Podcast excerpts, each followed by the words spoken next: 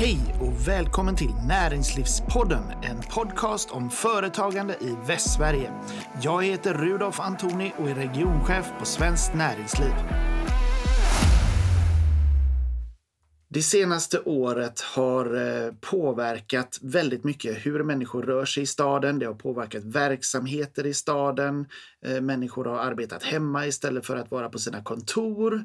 Eh, och vi har sett en stor förändring i just rörelsemönster. Och det här är någonting som påverkar hela staden som funktion och kanske i förlängningen även branschen som, som staden består av, nämligen fastighetsbranschen. För att prata om det här så har jag med mig idag Kristina Pettersson Post som är regionchef på Vasakronan. Välkommen till Näringslivspodden! Men stort tack! Eh, jag tänkte, kan, kan du börja lite grann med att berätta om Vasakronan? Vad, vad är det för, för bolag i fastighetsbranschen? Ja, men Vasakronan är ju Sveriges största fastighetsbolag inriktat på kommersiella fastigheter. Vi finns på fyra orter. Stockholm, Göteborg, Malmö, Uppsala. Eh, och eh, i, företrädesvis i centrala lägen kan man säga på de här orterna också. Och det handlar ju företrädesvis om eh, kommersiella lokaler, det vill säga kontor och, och, butikslokaler och den typen av fastigheter? Eller? Ja, i och med att det är lokal, eller fastigheter i centrala lägen så är det ju oftast kontor på övervåningar och sen är det kanske lite butiker i bottenvåningar eller verksamheter i bottenvåningar. Som man säger. Det är inte alltid butiker utan det kan finnas andra typer av verksamheter också mm. som passar in i city. Ja. Och, eh, du är då regionchef i, i Göteborg. Vad, hur, ser, hur ser beståndet ut här? Hur, hur många fastigheter har ni ungefär och volymer?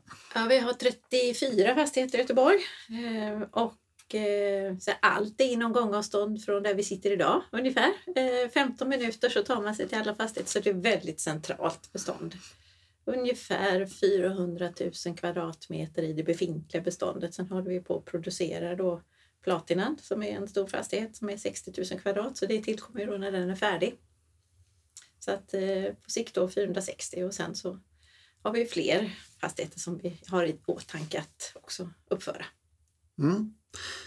Um, om vi tar eh, före eh, coronakrisen och före den situation vi är i nu. Hur har er utveckling sett ut i, i Göteborgsregionen? Har det varit expansivt så att säga? Eller har ni... Ja, det, det, går ju lite stötvis. Vi har ju en, en ambition att vi ska ha ett, ett befintligt bestånd som vi förvaltar och utvecklar. Sen har vi ju en tanke att vi utvecklar genom egen nyproduktion men också att vi jobbar med en transaktionsdel då, så att vi köper och säljer också. Eh, så att eh, um, vi har ju liksom både köpt och sålt under ja, egentligen alla år. Så. Eh, och vi har en ambition att växa totalt sett. Eh, så att när det uppstår möjlighet så köper vi gärna fastigheter. Det har ju varit lite tuffare de senaste åren och därför har vi inriktat oss ännu mer då på nyproduktion istället. Så att eh, det har ju egentligen liksom en om, så här vi har gått över till den inriktningen lite mer då, just av att det är svårt att, att hitta bra objekt på marknaden till rätt pris. Vad, vad är det för objekt ni är ute efter? Vad, vad ska de ha för kvaliteter? Ja, men eh, gärna moderna kontorshus, omställningsbara över tid. Det har vi väl sett som en, en viktig faktor att eh, fastigheter behöver ha vissa kvaliteter för att de ska hålla över tid. Rätt bjälklagshöjd till exempel, eh, hyfsad flexibilitet i stomme och sådana saker så att, så att det också blir en hållbar produkt långsiktigt. Så fastighet ska stå länge. Eh, Ja, eh, det, det är ett, ett, långsiktigt perspektiv man har i, i fastighetsbranschen och, och era, era kunder, eh, hyresgästerna, kanske eh, förändras över tid. Har, ni, har, ni, hur har er mix utvecklats eh, över tid? Går det i någon särskild riktning så att det, ni kan se det? Ja, det, det, är klart att det förändras ju med tiden och det som man kan se nu det är väl också att vi om man tittar på 90-talet när man byggde mycket klustrade områden. Det var liksom, ja, kontor på ett område och så var det bostäder på ett annat område. Nu ser vi att vi vill ha mer stadsdelar som är levande över dygnets alla timmar. Eh, det gör ju också att det behöver in alla de här alltså, tillgångslagen i, i en stadsdel för att det ska vara en, ett attraktivt område. Så att de här liksom renodlade kanske kontorsområdena, då tror jag blir liksom där fyller man på kanske med lite mer bostäder också. Man ser att det, det finns en, en nytta i att ha en blandning. Eller hotell som också är någonting som liksom levandegör en, en stadsdel. Mm. Innebär det att ni också går i riktning mot att ha bostadshyresgäster eller överlåter ni det till andra aktörer? Vi säger att vi kan ha inslag av bostäder i vårt bestånd men det är inte så att vi, vi liksom går in att bli bostadsutvecklare på det sättet. Men, eh, men vi kanske inte heller säger nej om det är nödvändigt i ett område. Det behövs för mixen så att säga. Ja. Mm. Det, det är ju likadant med hotell egentligen. Att vi har vi har företrädesvis kontor och eh, liksom, butiker i bottenvåningarna, alltså verksamhetslokaler i våra fastigheter. Det är mm. liksom vårt segment, det är där vi är duktiga. Och sen så, så kompletterar vi kanske med annat om vi också behöver det. Mm. Nu befinner vi oss eh, här på vårkanten år 2021. Det har varit eh, ungefär för ja, lite drygt ett år sedan så, så ställdes väldigt mycket på ända för eh, många olika näringar såklart, men eh, eh, fram, kanske framförallt för oss som människor. Eh, vi har påverkats på olika plan, inte kunnat träffa nära och kära på samma sätt och inte rört oss på samma sätt.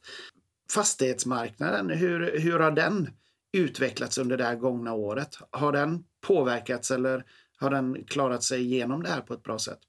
Det är svårt att säga. För det första är fastighetsmarknaden väldigt segmenterad. Men om man tittar på den nischen vi är i då så så, så säga, det finns ju ett kortsiktigt perspektiv och sen kanske ett långsiktigt perspektiv. Och tittar man på det kortsiktiga perspektivet så, så har det ju inte hänt så där jättemycket. Vi har nästan, alltså mycket har ju pausats på något sätt under den här perioden. Eh, så att eh, det är svårt att se de långsiktiga effekterna av liksom till exempel kontorsutnyttjandet. Eh, när, nu så är det inte så många på, på de liksom, fysiska arbetsplatserna utan man jobbar mer hemifrån. Mm. Eh, sen när vi får möjlighet att komma tillbaka så tror jag att det kommer att ge liksom en Ja, vi, vi, har ju, vi suktar efter att få träffas nu. Vi, det, det, ju, finns ju ett jättestort behov av att ses och, och framförallt om företag ska utvecklas så behöver man ses för att utbyta erfarenheter. Uh, så att jag tror att på, på sikt så kommer ju det där, det kommer ju komma tillbaka när vi, när vi liksom har möjlighet att träffas igen mer fysiskt då. Mm.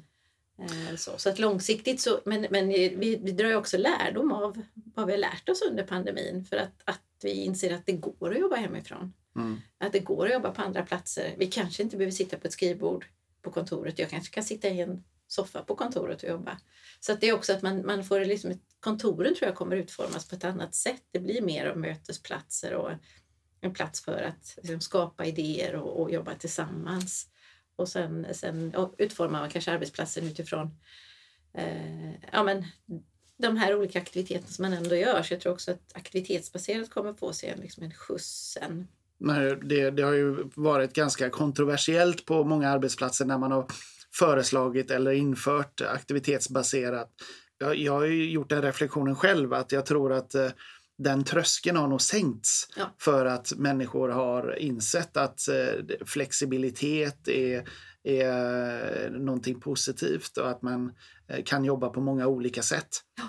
Eh, och att de absolut viktigaste sakerna med kontoret är just att träffa de andra individerna som är på kontoret. Mm. Inte att jag sitter i mitt cellkontor själv ensam och jobbar för mig själv. Det kan jag egentligen göra var som helst. Ja, Precis, och det är mm. väl det vi har lärt oss. Det är väl mm. en, av lär, en, liksom en stor lärdom i, just under pandemin att vi har insett det och att just att det där mitt, mitt eget skrivbord på kontoret kanske inte är lika viktigt utan jag kan dela yta med andra men att det ska finnas liksom, platser för alla typer av arbetsuppgifter. Hur tror du att det kommer påverka efterfrågan på kontorslokaler framöver? Kommer det att förändras på något sätt? Ja, alltså, normalt sett så säger man ju att eh, beläggningsgraden på ett skrivbord eller på ett kontor, om man räknar liksom antalet skrivbord och antalet stolar och så, med, så brukar den vara runt 40 procent. Eh, så det är klart att om man då går över till mer liksom, aktivitetsbaserat så finns det en möjlighet att effektivisera sina ytor lite grann, att inte ha riktigt lika stora ytor.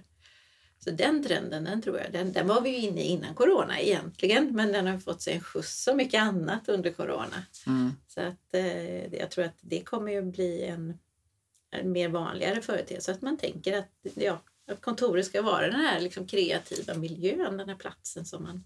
Om, om man tänker ur ett affärsperspektiv här då, innebär det Innebär det att, att ni kommer kunna hyra ut mindre ytor till respektive företag eller kommer det vara mer av en omjustering att de får satsa på mer av de sociala ytorna så att säga i kontoren? Hur, hur ser den analysen ut? Ja, som sagt, du är på lite grann att jag tror att de, de sociala ytorna behöver, behöver bli större. Eh, och eh, alltså här, där man byter ut alltså mötesytor av olika slag. Då. Eh, och att de här skrivbordsytorna blir ju mindre då. Och totalt sett så kanske det blir lite mindre per företag. Man kan sitta lite, effektivare och man kan minska sina kostnader på det sättet. Mm. Samtidigt tror jag det finns en möjlighet för oss fastighetsägare kanske också att man okej, okay, hyresnivåerna för det kan ju faktiskt också, då finns det ju en utrymme där att också hitta liksom att, att hyresnivåerna kan gå upp lite grann. Det ser vi ju redan idag att oftast minskar man yta så kan man betala lite mer per kvadrat men totalt mm. sett får man en lägre kostnad. Mm, mm. Okej, okay, uh, eh, om, om vi tittar på staden lite som, som funktion. Jag tänker att ni har ganska bra koll på hur rörelsemönstren har sett ut i, i staden, i Göteborg i det här fallet då, under det här senaste året. Hur, hur mycket har det förändrats eh, med pandemin? Ja, men CBD har väl tappat någonstans, det, det varierar från dag från dag. CBD? CBD, ja precis, förlåt. Nej, vad, vad? Ja, nej, men city egentligen då. Ja. Så det som då är kanske innanför vallgraven, eh, Nordstan, där de stora handelsstråken är, där har vi mätare så vi kan se liksom hur flödena ser ut. Och där har eh, liksom, besöksflödena minskat med som värst 60 procent mm. kanske, när det var som värst. Eh, om vi då jämför med 2019, då, samma, samma dag 2019 kanske. Då. Ja. Eh, och nu ligger vi väl runt 40 procent i, i, liksom i tapp just nu. Då. Och vi ser väl kanske att det är en, liksom ett sakta liksom förbättring då kan man kryper säga. Uppåt. Det kryper lite, alltså det min, tappet minskar mm, mm. Eh, lite grann men, men det är inte några stora justeringar som sker. Liksom, utan, men det, det, brukar ju vara så att när det, åren kommer och det blir soligt ute då, då vill vi helt plötsligt vara ute och då kanske det, då, då, då kommer människor mer i rörelse och då kan vi också träffas utomhus på ett annat sätt. Mm. Nu är vaccinationerna igång i alla fall, även om det går långsamt framåt. Eh, så, så ser vi väl ändå Eh, på något sätt att eh, framåt sommaren här så kommer vi att komma igång med, med massvaccinationer på bred front. Och, och även om det kan komma eh, nya eh, vågor av covid under hösten så kommer det ju inte kunna vara av samma, samma omfattning. Så om, om vi säger att restriktionerna nu släpper människor eh, har möjlighet att återgå till sitt normala beteende.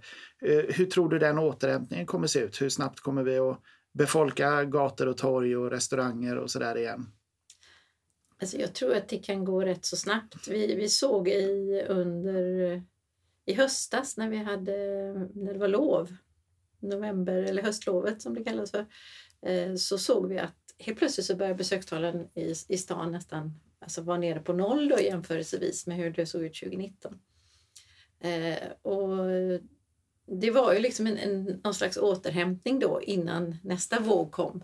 Så precis under den veckan så kom ju även liksom nya restriktioner och nästa våg egentligen. Då. Så att, att, alltså det, det, visar ju på att hur snabbt det kan gå liksom från att nästan vara nere på noll till att det igen då går ner till 60 tapp. Då. Så att det, mm. det, där har vi ju sett effekten av under, under liksom hela pandemin att det, det går i hack också. Då. Så att jag tror att eh, vi är ju vi längtar ju efter att få vara ute och, och, mötas och röra oss på stan och gå och sätta oss på en restaurang utan att kanske behöva tänka så mycket på, på pandemin och så. Så att jag tror att eh, jag har hört någon annan som har också reflekterat över liksom, det kan vara som ett kosläpp nästan så att vi, liksom, vi ska upp ut hopp och lek liksom. Äntligen får vi komma ut Eh, sen, sen Massa jag ystra svenskar som dessutom har lagt pengar på hög under, ja, under pandemin. Precis. Inte konsumerat i samma utsträckning. Nej. Det kan, kan ju bli en rejäl skjuts där. Det kan bli en rejäl skjuts och det hoppas vi på. Att, det, liksom, att, det ändå, att de som haft det jättetufft nu får en chans ändå att liksom få någon form av återhämtning i alla fall. Mm. Eh, och sen, sen, kommer det väl att normaliseras och, och vad det nya normala är det vet vi väl heller inte egentligen. Nej, jag tänkte det... vi ska prata lite grann om det där. För att man pratar mycket om en, att det pågår en omställning av stadskärnan. Många, många anser ju att den här eh, märkliga situationer med pandemin har ändå gett den typen av utveckling med digitalisering och med förändrat beteende kanske en skjuts eh, så att det har gått ännu snabbare än en omställning som redan var på gång. Eh, hur ser du på omställningen av stadskärnan? Ja, men digitaliseringen som vi hade, den, den påverkade ju stadskärnan redan innan pandemin och den som du säger, den har ju fått, gjort att det har liksom exploderat kanske åt e-handelshållet just nu då. Jag tror att stadskärnan ska ju absolut inte konkurrera med e-handeln för att stadskärnan ska erbjuda någonting annat. Det som vi inte får på nätet. För nätet erbjuder den här praktiska, effektiva kanske då ur, ur en aspekt, liksom upplevelsen och shoppingen då. Medan stadskärnan ska ju erbjuda en annan upplevelse. Eh, och det där måste man ju hitta som varje enskild aktör i staden måste ju hitta sitt i det, tänker jag. Eh, plus att vi som då jobbar med att utveckla fastigheter i stadskärnan också måste hitta det här liksom mixen som gör att det också blir en upplevelse för besökaren i staden. Och där behöver det också finnas en viss variation. Allt kan inte se likadant ut. Varje delområde kanske ska ha liksom sina unikiteter och sina händelser så att, så att vi inte skapar likadana stadsdelar eller likadana områden. Så att jag, jag, tror att man, man behöver jobba väldigt mycket mer med områden och jobba tillsammans i de områden också. Både vi som är fastighetsägare, staden och även de butiker och näringar som finns där. Att liksom, man kan bygga ett, ett, ett område som har sin egen identitet som kan attrahera människor på olika sätt. Då. Mm. Det där tror jag är, är viktigt att, att, eh, att man jobbar med och det är någonting som faktiskt har blivit mycket bättre under pandemin. Det här att, att alla inser att vi måste göra någonting. Och det är väl ofta som med kriser att det skapar ju också aktiviteter som gör att man liksom kommer igång med sånt som är, det tänkte vi redan innan pandemin men det var mycket svårare att liksom få till. Men nu finns det en angelägenhet hos alla att jobba med de här frågorna, vilket mm. känns jätteroligt. Mm. man ska inte missa chansen att utnyttja en bra kris som, det, som det heter. Uh, vad, vad, tror du då? Vad, vilken typ av uh, butiks eller näringslivsinnehåll kommer, att, uh, kommer vi få se mer av i stadsbilden framöver? Vilken riktning kommer det gå? Jag tror att det kommer att komma in fler inslag av sånt som inte finns. Eh, kultur till exempel. Eh, eh, second hand, alltså den typen av segment som kanske inte är lika tydligt i stadsbilden idag. Det kommer ju också komma in second hand i de befintliga butikerna för många kedjor tittar ju även på det som ett eget koncept, liksom att ta tillbaka sina egna produkter och sådär och se hur man kan omvandla dem och så.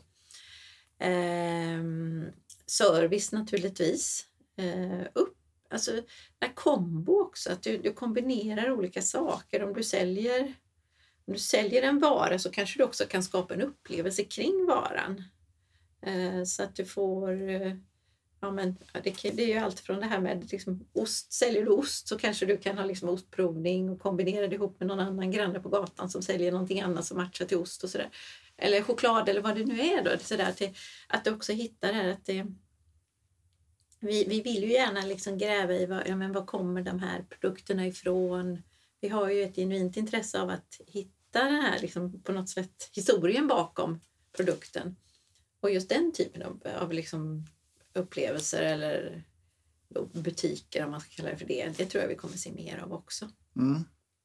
Lite mer av de här sam samarbeten och kanske branschglidningar. Alltså att en, en, en renodlad handelsbutik kanske går mer in i tjänstesektorn och, mm. och vice versa. Så att ja, ja, att det blir en, en kombination av både och. Och fokus på, på upplevelser. Ja. Mm finns ju också de som säger att eh, det här var... Eh, vi har ju sett urbaniseringen som en oerhört stark trend. Människor har samlats eh, och på våra större städer och orter så bor vi allt tätare. Och sen finns det ju med digitaliseringen finns ju nu möjligheten att sitta i en stuga i, i, i Dalsland och ändå jobba i, centralt i Göteborg. Tror du att vi har sett liksom, början på slutet på urbaniseringstrenden eller eh, har det här bara varit ett eh, hack i kurvan?